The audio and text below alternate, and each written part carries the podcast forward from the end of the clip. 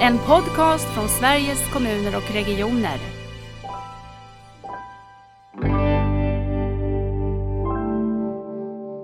Hej! Detta avsnitt är inspelat live under Vitalis 2023. Tack för att du lyssnar. Det är bland det mest underskattade i svensk sjukvård. Värdet av ett personligt ansvarstagande och för allt ifrån trygghet till faktiskt medicinska resultat.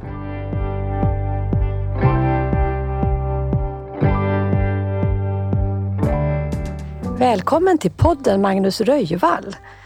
Du är allmän specialist. Du är medicinsk chef inom Capio närsjukvård.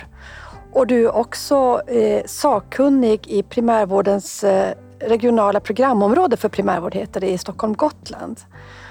Och du har sagt att en storskalig digifysisk nära vårdomställning den har börjat och det blir jag ju jättenyfiken på att få höra. Så det ska vi prata om idag bland annat. Så välkommen hit! Stort tack, vad roligt att få vara med Lisbeth. Tack. Och vad kul att få vara med live från Vitalis. Verkligen.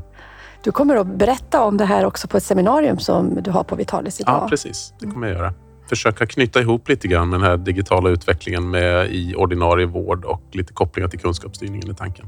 Mm, det blir spännande för det där är ju frågor som många grunnar på eftersom det är så stora, två stora processer ute i regioner och kommuner. Precis, hur får vi ihop det? Liksom? Hur får vi ihop det? Mm. För det måste vi få. Mm. Men berätta först vem du är.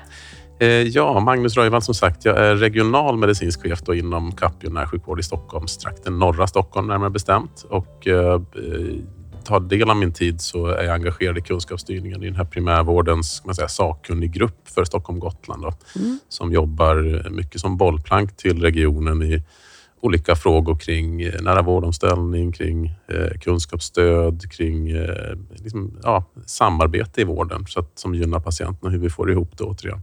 Så att, eh, det är väl mina två uppdrag. Annars är jag pappa till tre ungdom, ungdomar, unga vuxna. Mhm. Och, eh, man, make och... eh, och Och var bor du? Bor du i Jag, jag Stockholm, bor utanför Stockholm, i Nacka också. Just det. Så att, eh, Men mycket fokus på de här två uppdragen. Det är mycket spännande som händer så att det är svårt att inte engagera sig lite för mycket.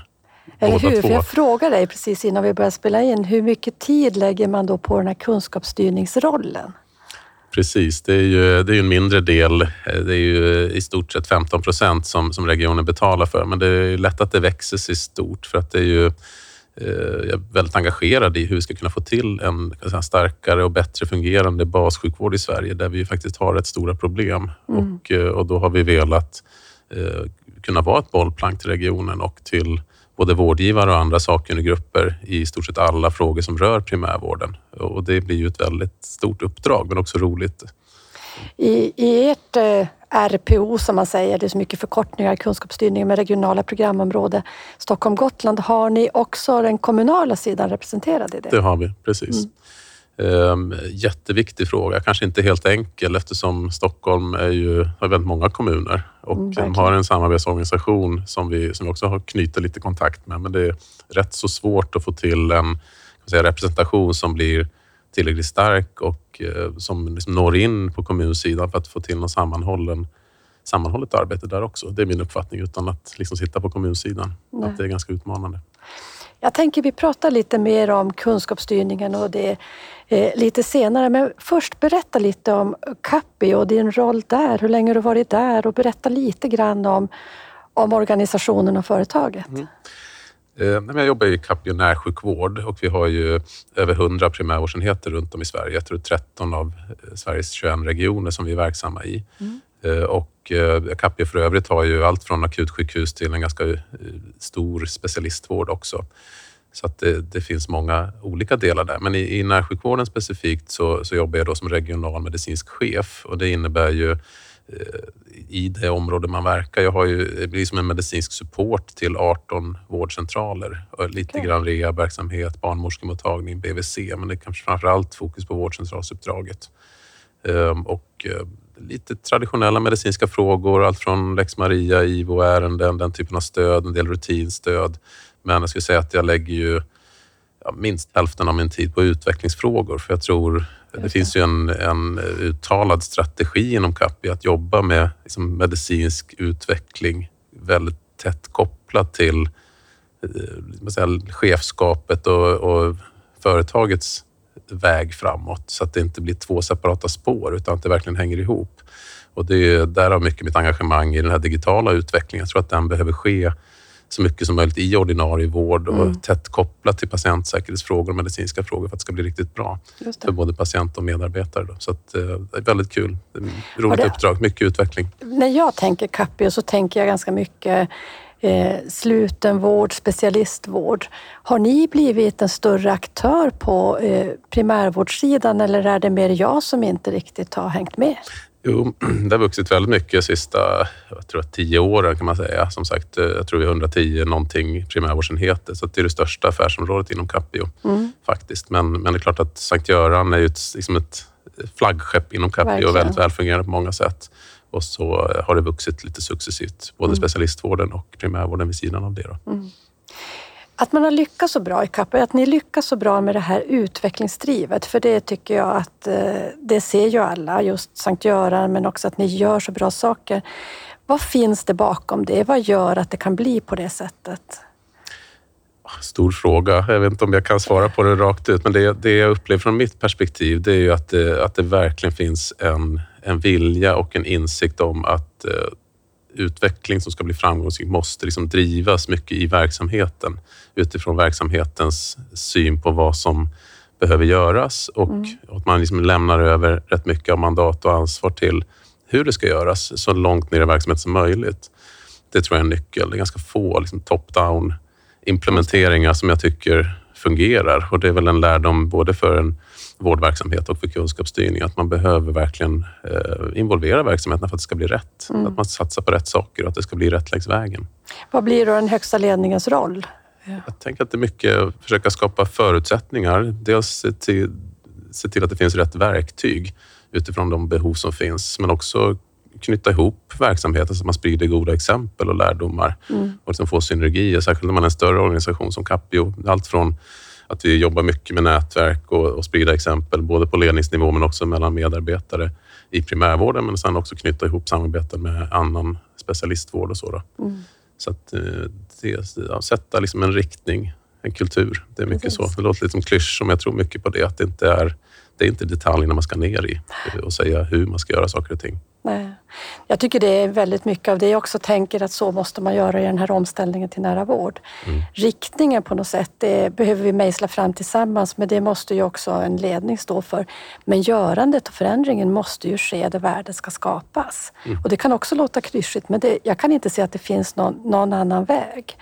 Men sen tycker jag att du säger någonting som jag tycker är spännande. Det är ju ledarskapets betydelse för att kommunicera och fråga efter resultat. Inte för att kontrollera mm. utan för att bli mer av, av kommunikativt på något sätt pushande. Att mm. när vi gör det här, då går vi i den här riktningen. Eller vad spännande, det här måste vi berätta för andra för det kanske man kan ta vid på någon annan vårdcentral eller i mm. någon annan del av verksamheten. Att det är också ett stort ledaruppdrag. Alltså, jag jobbar jättemycket med, med uppföljning och data och det. det är ju det är lite grann en skör balansgång. I, och det är viktigt att man hela tiden upprepar och påpekar vad datan är till för, så att säga. Mm. För att, som jag ser det, att så långt det är möjligt jobba med data som en service till verksamheten. Att få ett perspektiv och en världsbild. Hur, hur gör vi? Finns det någon annan som gör annorlunda? Vad betyder de här siffrorna? Eh, är, är de rätt för, till att börja med? Är det någonting som vi borde göra annorlunda eller finns det fel i data? Det, alltså mycket av den analysen behöver också göras i verksamheten. Mm. Jag är ganska försiktig, eller väldigt försiktig med att säga åt någon av de verksamheter jag supportar, de, bara de 18 vårdcentralerna, vad som är rätt och fel. För det finns, ibland finns det felkällor, ibland finns det, eh, särskilt på primärvårdsnivå, variationer i befolkningen som, som motiverar att det ser ganska olika ut. Precis. Och ibland är det saker som bör göras annorlunda och det behöver man faktiskt besluta om och förstå i verksamheten. Men däremot är det inte Därmed inte sagt att man ska vara utan data. Nej, för då är det ju omöjligt att se och förstå sin omgivning och sin egen plats i den, tänker jag. Så, så, så, mycket data som möjligt tillgängligt för en, en lokal diskussion och mm. tolkning. Liksom. För jag tänker mer datan som en kraft, som en utvecklingsmotor än som en kontrollfunktion Mm. top-down. Mm. Men det tycker jag att det är ju en ganska stor omställning bara det, som också hänger ihop med att kunna göra det här annorlunda mot den nära vården. Ja, men precis. Och jag tror det är som sagt, det är en, en viktig utmaning att, att hela tiden också kommunicera, när man jobbar mycket med data, att kommunicera vad det syftar till. För att jag menar, även om jag försöker vara noga med det så missförstås jag ibland. Mm. Särskilt när någon kommer in i, i en organisation och tycker att det är mer data, mer uppföljning än vad man är van vid. Okej. Så kan det uppfattas förstås som en kontrollfunktion, Just fast det. det inte syftar till det. Liksom. Har ni lyckats på något bra sätt att också fånga era patienters eh, syn på vården och vilket värde det skapas? Och Mm. kanske också, jag tycker att det vi kan fånga idag, det är hur mötet blev. Var mötet bra? Kände du dig delaktig? Blev du fint bemött? Men inte om egentligen våra tjänster totalt skapar värde. Värdet kan ju ligga i att jag inte behöver mötet, att jag blir mer självständig. Mm. Kan ju hänga ihop med det digifysiska. Ja, men precis. Men vi har jobbat, exemplet där från det här projektet vi gjorde förra året och den här omställningen till en digifysisk vård för kronisk sjukdom.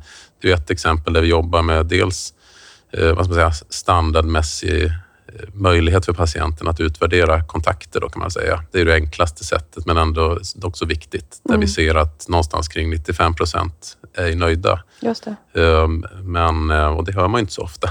Det Nej. pratas mycket om vad vi misslyckas med i vården och Verkligen. med viss rätta. Men, men det är också många som faktiskt är nöjda med den vård vi erbjuder. Och även med nya arbetssätt, vilket är roligt. Och även bland äldre.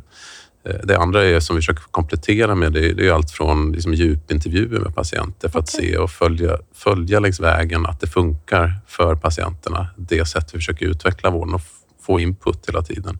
Vem gör de djupintervjuerna? Vi har, vi har ett kvalitetsteam i närsjukvården som försöker hålla ihop det. Eh, Så att man tillsammans med verksamheterna, liksom, eh, när man gör förändringsarbeten, hittar patienter som man kan eh, få input ifrån. Mm. Och sen finns det ju, jobbar vi med patientråd, allt från på vårdcentralerna till i ledningsmöten och så också. Så att det finns en ganska bred patientinvolvering skulle jag säga. Mm. Vad gör det för er verksamhet, tänker du?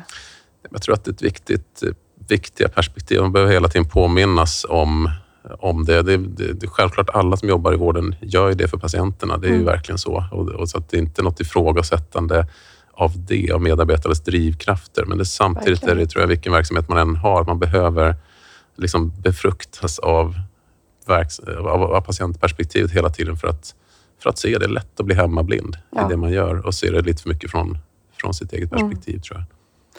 Jag tänker också att det, jag tänkte det fångar ni säkert i djupintervjuer, men det här att man är nöjd med vården när man väl får den. Men eh, det finns ju också någon, någon känsla av att det är svårt att komma till Mm. hälso och sjukvården. Mm. Att tillgängligheten, inte minst i primärvård, känns ganska snårig Mm. med telefoner som ska ringas upp på tider som kanske inte passar och så.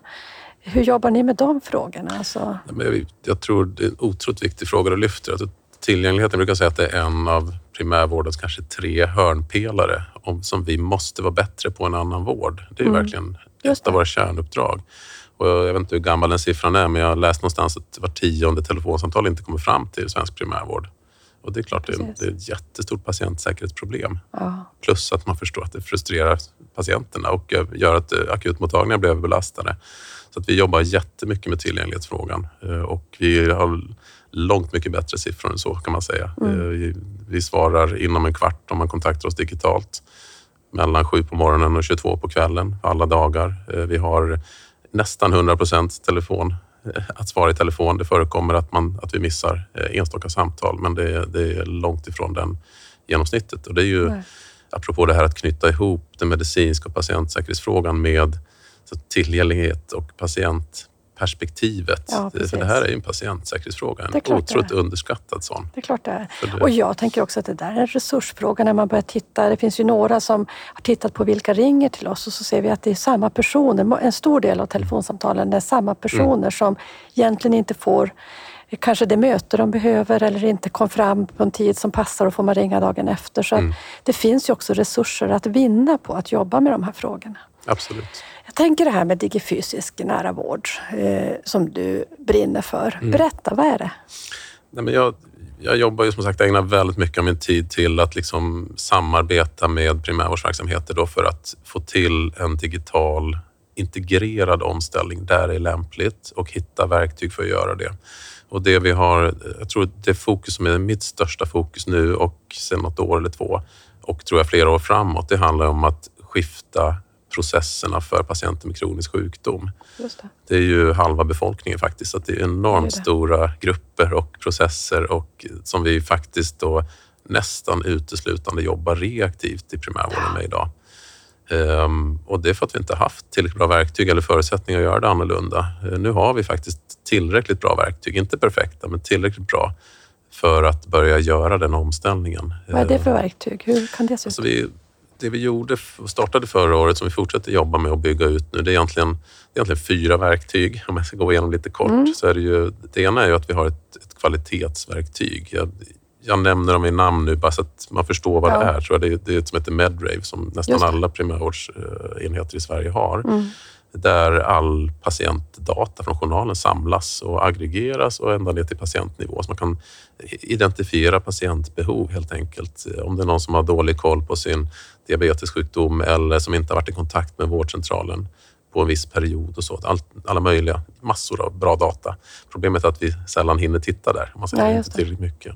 Men det är ett verktyg och där kan vi ju som sagt identifiera patienterna innan de behöver förnya recept, innan de behöver kontakt eller när vi behöver ägna dem mer uppmärksamhet. Just det. Så det är ett verktyg som vi jobbar med. Mm. Det andra är ju en, en digital kommunikationsplattform och där finns det lite olika sådana varianter på, på Mm. svenska marknaden. Nu, jobbar vi i Doktrins plattform och det är ju en, eh, vi jobbar huvudsakligen med textkontakter, med bilder, men det är video i där. Vi kan skicka patientlänkar och eh, jobba mycket med frasmallar och så.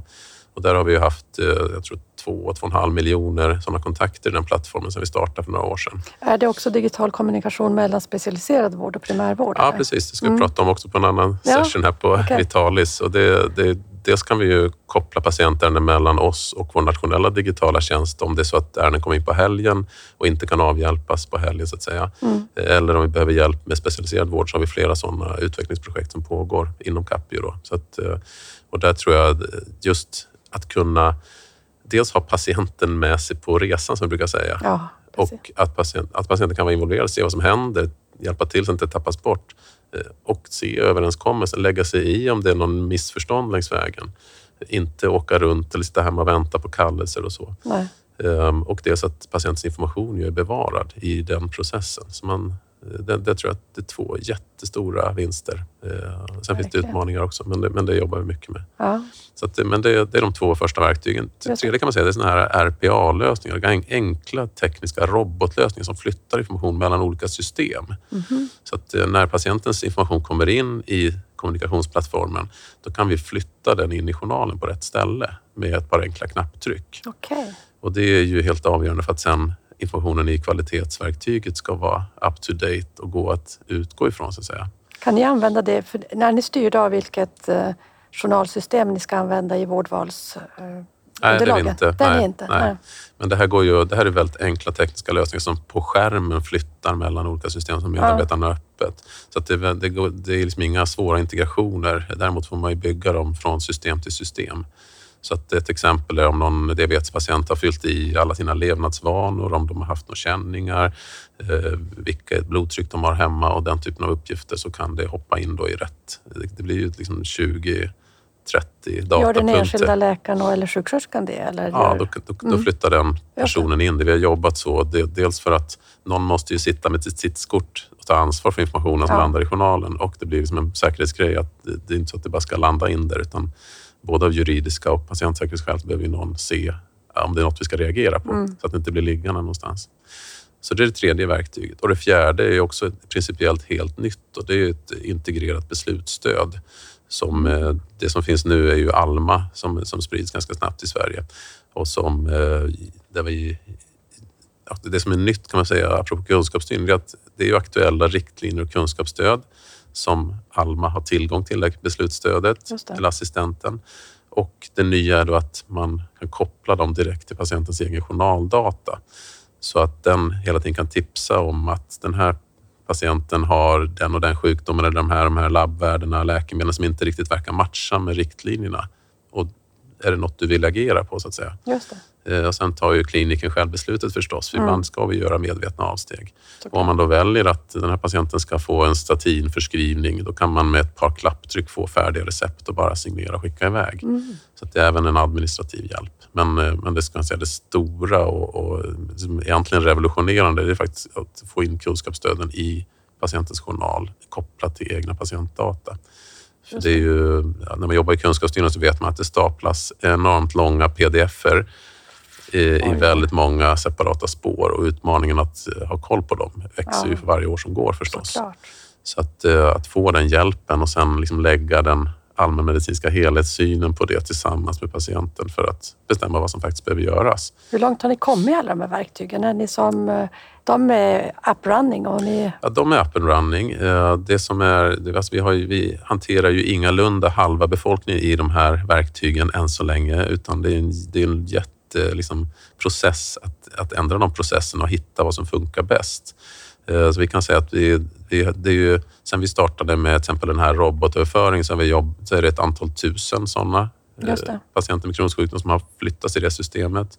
Vi har som sagt haft eh, två, två och en halv miljon ärenden totalt i digitala kommunikationsplattformen.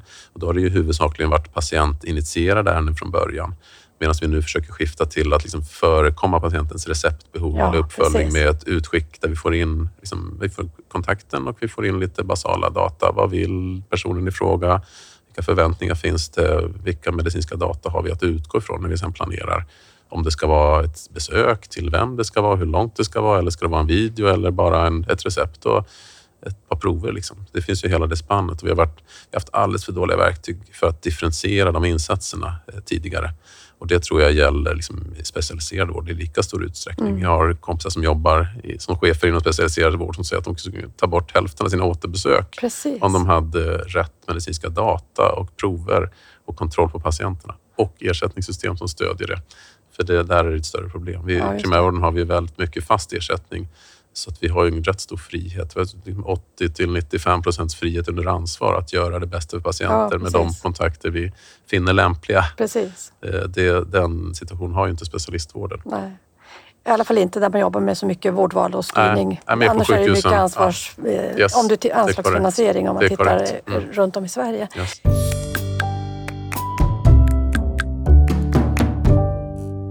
Jag tänker, vad, vad spelar det här för roll? Den, det känns som en ganska positiv framtid. Att med sådana här redskap så finns det också väldigt mycket eh, vi kan använda våra resurser till det vi verkligen ska använda dem till, tänker jag när jag lyssnar på dig. Mm. Vad, vad säger de enskilda patienterna? Märker de av att ni ska jobba på annat sätt? Du sa någonting lite tidigare om eh, personer med kronisk sjukdom och hur de kommer att märka att det här Mm. blir bättre för dem. Men det är många, det är fortfarande, ska jag säga, det, vi skalar upp ganska snabbt nu, men det är fortfarande en liten andel av alla med kronisk sjukdom som har så att säga, testat det här sättet att jobba. Ja, Vi får väldigt många glada tillrop när vi har haft de här djupintervjuerna. Så är det ju flera som uttrycker att men det, det, har aldrig varit med om att vården har tagit kontakt med och kollat läget. Och Hur mår du med din astma? ja, Hur står det till nu? Och så där. Så att, för att vi har inte haft att, att ha manuella kallelselistor på halva befolkningen. Det kan jag lova, det går inte. nej det går ju Så inte. att vi har haft det på kanske någon enstaka diagnos som diabetes tidigare, men i övrigt ja, några diagnoser på några enheter. Men, men där någonstans kör man fast och börjar tappa bort och hinner inte med.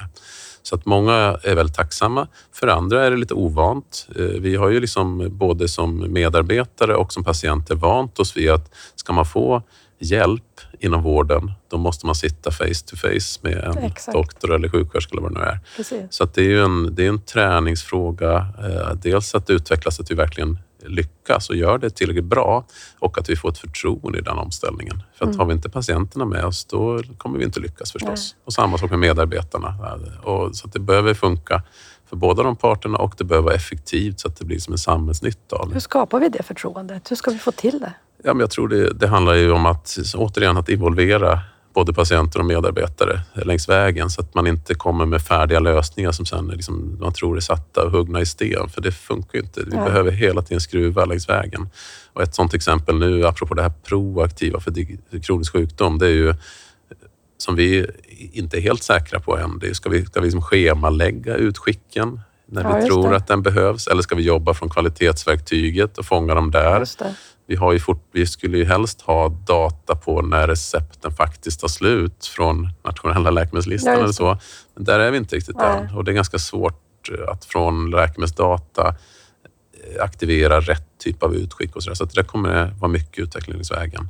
Och jag tror det är jättemycket en fråga om lokalt ledarskap. Mm. För att om, om en medarbetare ska växla över till att jobba mer digitalt i kontakt med patienterna och lösa så att säga, medicinska problem digitalt, då måste den medarbetaren känna sig trygg att det inte kommer innebära att man ska göra allt annat Nej, som vanligt också. verkligen. Utan det måste ju påverka hur schemat ser ut dag för dag helt enkelt. Så att det blir bättre även för Och jag tänker också involveringen i när vi utvecklar det här att för jag kan ibland uppleva rädslan av att också från professionerna själva att släppa de gamla arbetssätten. För vi har ju ändå tränat på dem i så otroligt många år. Mm. För det är ju ändå så att vi ska ju växla över så vi inte kör parallella Mm. spår. Och då är väl den här nära involveringen, jag är med och drar fram det här sättet att arbeta. Precis. Viktigt. Och jag tror det är liksom perspektiv. Det är, vi, vi är ju jättemycket tränade också på att ge det bästa till den enskilda patienten Mm. framför oss i rummet. Och det ska vi ju göra. Men vi är ju sämre rustade många gånger att se vad som händer om vi inte sköter det mötet tillräckligt effektivt. Nej. För att någon annan fastnar i telefonkön som vi sa eller inte Precis. får den vård. Kanske någon annan som hade behövt den tiden bättre. Exakt. Och särskilt i primärvården är ju det liksom, vad säger jag, prioriteringsperspektivet, eller helhetsperspektivet oerhört centralt och att man liksom kan dela det perspektivet mellan ledning och medarbetare så att alla är med och hjälps åt och verkligen prioritera vår tid rätt så att vi Och- når ut efter behov. Liksom. Just och att vi har ett ansvar hela tiden för på något sätt helheten, Mm. inte bara det enskilda mötet. Men då tänker jag, apropå din fråga, det är väldigt, eh, det är väldigt förståeligt tänker jag, att man som medarbetare tvekar lite inför att göra det här. För man som allmänläkare eller distriktssköterska, man är van vid ett väldigt svårhanterat uppdrag. Och man kanske är van, särskilt i Sverige där vi inte har haft liksom en personligt avgränsad lista om man pratar läkare. Då har det liksom tenderat, om man gör lite mer så får man lite mer ytterligare att göra Just det. det är svårt att liksom hämta hem den tiden man vinner om man inte har ett avgränsat uppdrag. Nej. Så det berör liksom hela den diskussionen också. Just det. Jag tänker, följer, har ni någon forskning på det här? Följer ni upp det här med forskningssatsningar? För det känner, jag tänker bara när du säger, tänk när någon ringer mig och säger, hur går det för dig? Vilken trygghet det skulle skapa. Och säkert i, i, i min tanke så skapar det också alltså mindre behov av att hela tiden höra av mig.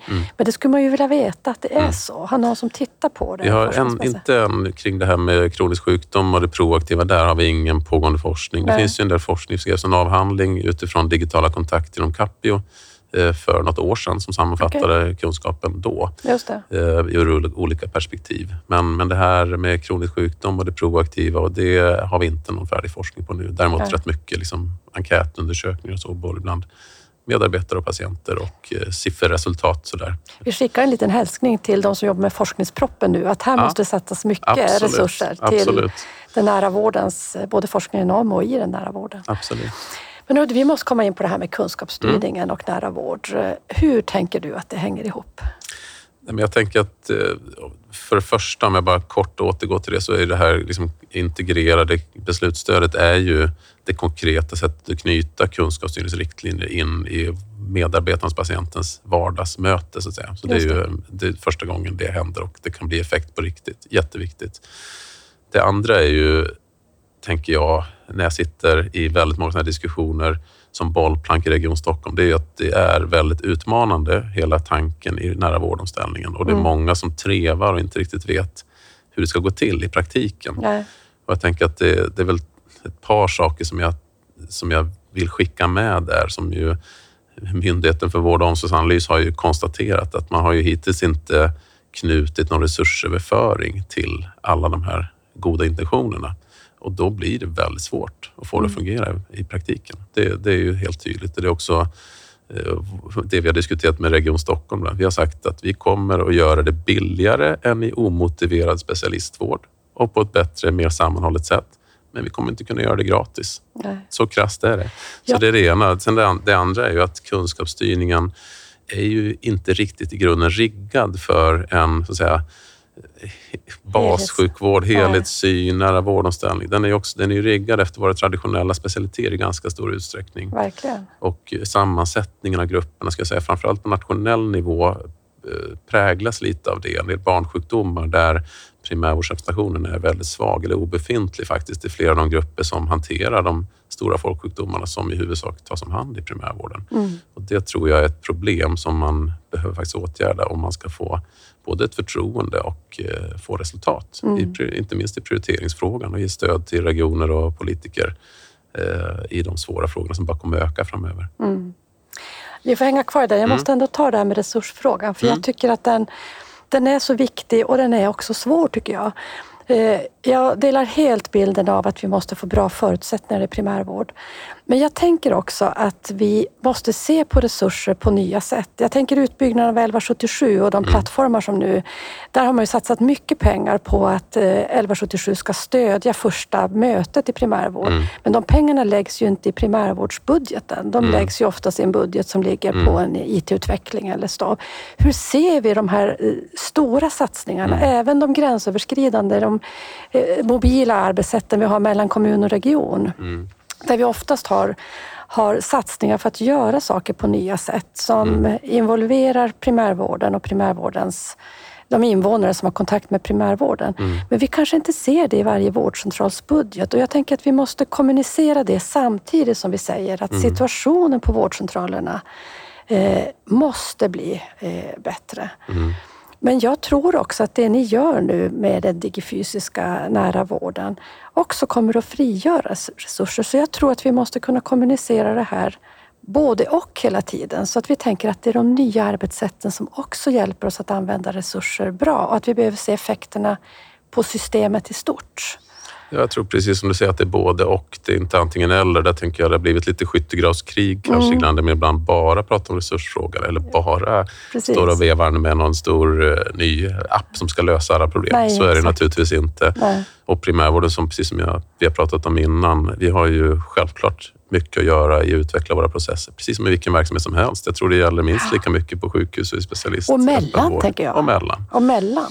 Men däremot så, ja, väldigt mycket av, enligt min uppfattning, i alla fall det som jag berörs av, som diskuteras inom nära vårdomställning, eh, långt ifrån allt, men väldigt mycket handlar om liksom, vad ska man säga, eh, kärnverksamhet i primärvård. Ja, Eh, vårdcentral, primärvårdsrehab. Eh, om man då tar med hemsjukvården där som det är med Ja. i Stockholm.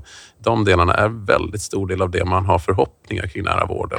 Och då måste man också se till att förutsättningarna ser eh, något sådär rimliga ut där. verkligen. Samtidigt som vi utvecklar det vi gör. Och så kunskapsstyrningen, för eh, vi har så långt, vi kan prata hur länge som helst. Ja, det verkar så. Jag tycker att det där är intressant eh, med att få ihop det här generella. Mm. eh, Där patienterna som möter primärvården kanske finns i väldigt många av de här olika diagnosuppdelade delarna i systemet.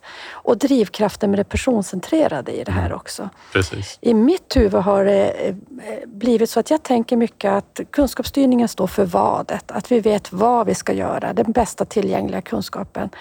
Och nära vård står för huret, det digifysiska. Eller det, och det här måste mötas. Men det är i mitt huvud som jag kan tänka att det här hänger ihop på det sättet. Och att vi inte heller har resurser att bygga upp två parallella strukturer som jobbar med de här utvecklingarna. Att vi måste göra det ihop. Måste knyta ihop det. Och då behöver ju också primärvårdens, hela primärvården också med kommunernas eh, primärvårdsdel finnas Verkligen. med i det arbetet. Mm. Är vi på väg åt det hållet, tänker du? Jag tycker det, det finns ju en enorm frustration inom primärvården eh, sedan decennier i att man har ser att det har funnits brister i, i liksom svenskt sjukvårdsbygge kan man säga.